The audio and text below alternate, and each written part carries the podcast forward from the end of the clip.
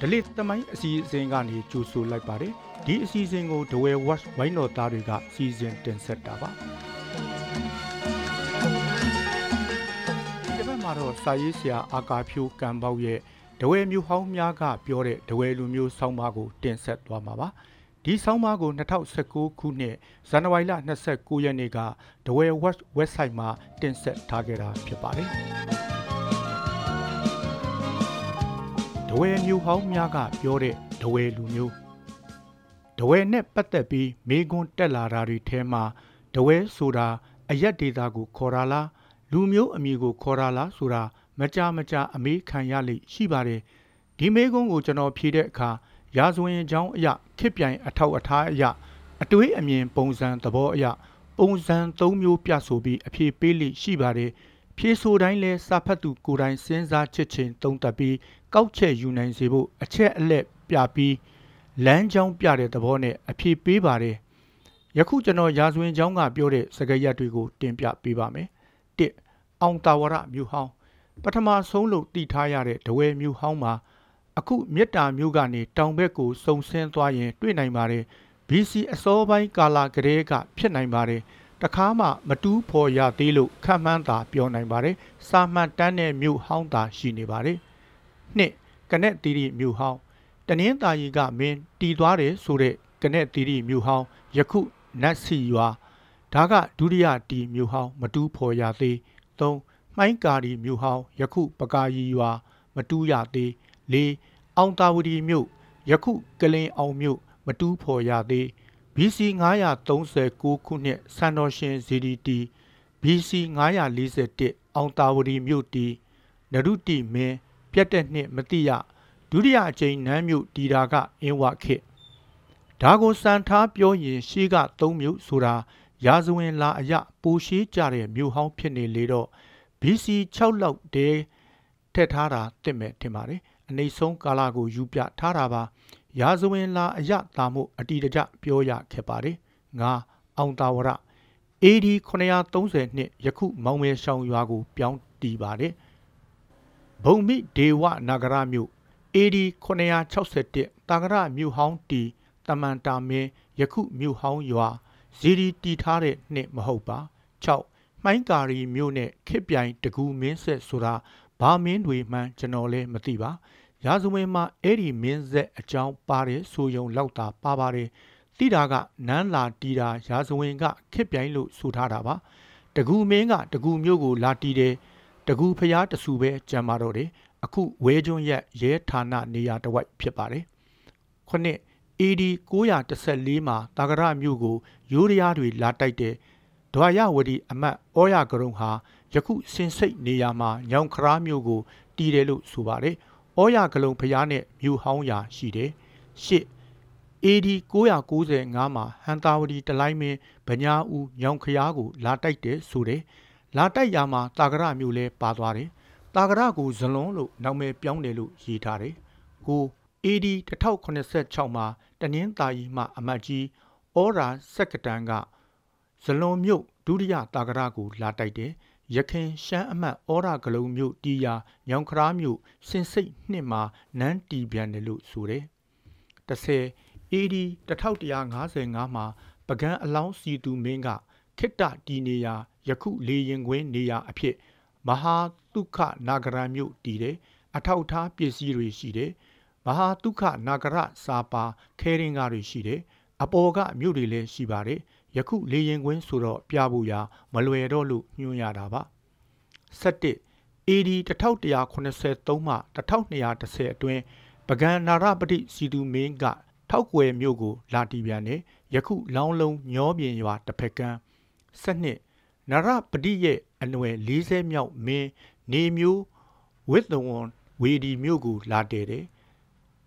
ပြန်တယ်မြို့ဟောင်းရှိ အထောက်ထားရှိ ဒီမင်းဆက်ကသမီးတော်၃ပါးဟာတဦးကမှိုင်းကာရီရှင်မဖြစ်လာတယ်တဦးကဝေဒီရှင်မဖြစ်လာတယ်နောက်တဦးကရေးမြို့တီသခင်မဖြစ်လာတယ်73 AD 1419မှာအင်းဝဘရင်မင်းခေါင်သားမင်းဆွေစန်းခေသူဆန်ရှီမနဲ့အကြောင်းပါမௌတတုခနဂရမြို့ကိုတီးယခုရှင်မုတ်ထီ14အဲ့ဒီအနီးမှမထင်ရှားမြို့သက်မရှိတဲ့ကမျောမြို့ဆိုတာလဲရှိခဲ့တယ် ယခုကနိုင်းတာရွာ AD 73နှောင်းပိုင်းဒါကရှိဖူးခဲ့တယ်ပဲပြောလို့ရတယ်ပြစရာနေရာကဖျားပဲကြံတယ်ထင်ရှားတာလည်းမဟုတ်တော့ခွင်းဆက်မိမှထက်ပြောစရာရပါမယ်15 AD 1951မှာမင်းနဲလှကကြက်စားမြို့ကိုတီးပြန်တယ်စာပါတဲ့အထောက်ထားရှိတယ်မြို့ဟောင်းနေရာရှိတယ်ဒီမြို့ကိုတလိုင်းရှောင်မြို့လို့လဲခေါ်ပါတယ်ယခုကြက်စားပြင်ရွာ 16 AD 1954မှာမင်းနဲလှကအုတ်မြို့ရိုးအခိုင်အမာပြူပြီးမြို့တစ်တည်တယ်သာယာဝတီလို့ခေါ်တယ်မင်းနဲလှဆိုတာမင်းမျိုးမဟုတ်ငတ်တဘာမင်းယခုဒဝယ်မြို့နေရာနန်းတီတာပြက်တာကိုနှစ်အလိုက်ချုပ်ပြရရင် ပထမ၃မြို့အောင်သာဝတီကနက်တီရီမိုင်းကာရီဒီ၃မြို့ကိုထားပါပြစရာဆိုလို့မြို့ဟောင်းရာပဲရှိတယ်အထောက်အထားနည်းနည်းရှိတယ်ဒါပဲဆိုတော့ထက်မပြောလို့ပါ အောင်သာဝတီကစပါမယ်တီနှစ် BC 941ခေတ်ပြိုင်မပြနိုင်သေးပစ္စည်းအထောက်ထားသာရှိတယ်ရာဇဝင်နဲ့ညီတယ်နရုတိမင်းပြက်နဲ့မတိရစာမှတ်တမ်းရှိတယ်တမိုင်းစင်းရင်ထဲမထက်ထားပါအောင်သာဝတီပါကလိန်အောင်ပါ၄မြို့ဒုတိယအောင်သာဝတီအင်းဝခေတ် AD 73မှာတည်တယ်ဒုတိယအကြိမ်ရှင်မုတ်ထီးနဲ့ရှေ့ကဆက်နေတယ်အောင်သာဝရမောင်မဲရှောင်းတီ AD 932ပြက် AD 914ဝေဒီတီ AD 935ပြက်914တာကရတီ AD 961ပြက်914တကူမြို့တီ AD 930ခတ်ပြက်914ညောင်ခရာတီ AD 914ပြက်995တာကရဒုတီ AD 995ပြက် 1086မဟာတုခနဂရပတီ AD 1155ပြက်မတိယအလောင်းစီသူမင်းတီထောက်ကွယ် AD 1184 1268မုတ်တတုခနာဂရမင်းဆွေတီ AD 1419ပြက်မတိယစောဝမြို့ဟောင်းမုတ်တီနှင့်ဝေဒီဒုစောသူရတီ AD 1430ပြက် 1488ကမျောမြို့ဗပုတီ AD 1488ပြက်1494 6နှစ်နန်းတောင်နန္ဒတာရတီ AD 1494ပြက် AD 1490ခွန်3နှစ်ကမျောကနိုင်ငယ်ဗပုထတ်တီ AD 1490ခွန်ပြက် AD 1504တာကရ တဇလွန်ဗျတ်တပိုက်မင်းတီ AD 1561ပြက် AD 1951ကျက်စားမြို့မင်းနဲလှတီ AD 1951ပြက်တာမဟုတ်တူးချက် AD 1954တာယာဝတီ AD 1954ပြက် AD 1824ရန်နပူစာချုပ်အရပထမဆုံးကျုံဘဝရောက်သွားရတယ်။တဝဲဆိုတာလူမျိုးစုမဟုတ်ပါဘူး။ ဒေတာကိုစွဲခေါ်တဲ့အခေါ်ပါဆိုပြီးဆိုထားတဲ့အဆိုတွေရှိခဲ့ပါတယ်။လူမျိုးစုပါ။လူမျိုးအမည်ကိုစွဲခေါ်တာပါဆိုတဲ့ဆရာတွေလည်းရှိခဲ့တယ်။ရာဇဝင်လာအချက်အလက်တွေကိုအပေါ်မှာအချင်းချုပ်သဘောနဲ့တင်ပြလာခဲ့ပြီးပါပြီ။အဲ့ဒီအပေါ်ကမြို့ဟောင်းတွေကိုကြည့်ပါ။တဝဲဆိုတဲ့စကလုံးတစ်လုံးမှမပါပါ။နေရာဒေသကိုဆွဲ၍ခေါ်တာပါဟုဆိုပါလျင်တဝဲမြို့သို့မဟုတ်တဝဲရိုက်ရွာတဝဲဒေသစသည်တို့ကိုဘယ်မင်းလက်ထက် ဘယ်ခုနှစ်ကစတင်တီထောင်ပါတယ်ဆိုတာမျိုးတွေ့ရမှာဖြစ်ပါတယ်ဌာနေကိုဆွဲ၍ခေါ်သောအခေါ်မဟုတ်ပေဒီတော့ကဌာနေကိုဆွဲပြီးခေါ်တာပါဆိုကြသူများရဲ့အဆိုပြက်ပြက်ပြီးပေါ့နောက်ပိုင်းမှာဒဝဲလူမျိုးများကိုအကြောင်းပြုပြီးဒဝဲလို့ပြောင်းခေါ်တယ်တာယာပတိဆိုတာဘယ်နာပျောက်သွားမှန်းကိုမသိရတော့ပါဘူးမခေါ်ကြတော့ဘူးရာဇဝင်ဖတ်ဖူးသူအချို့ကလွဲရင်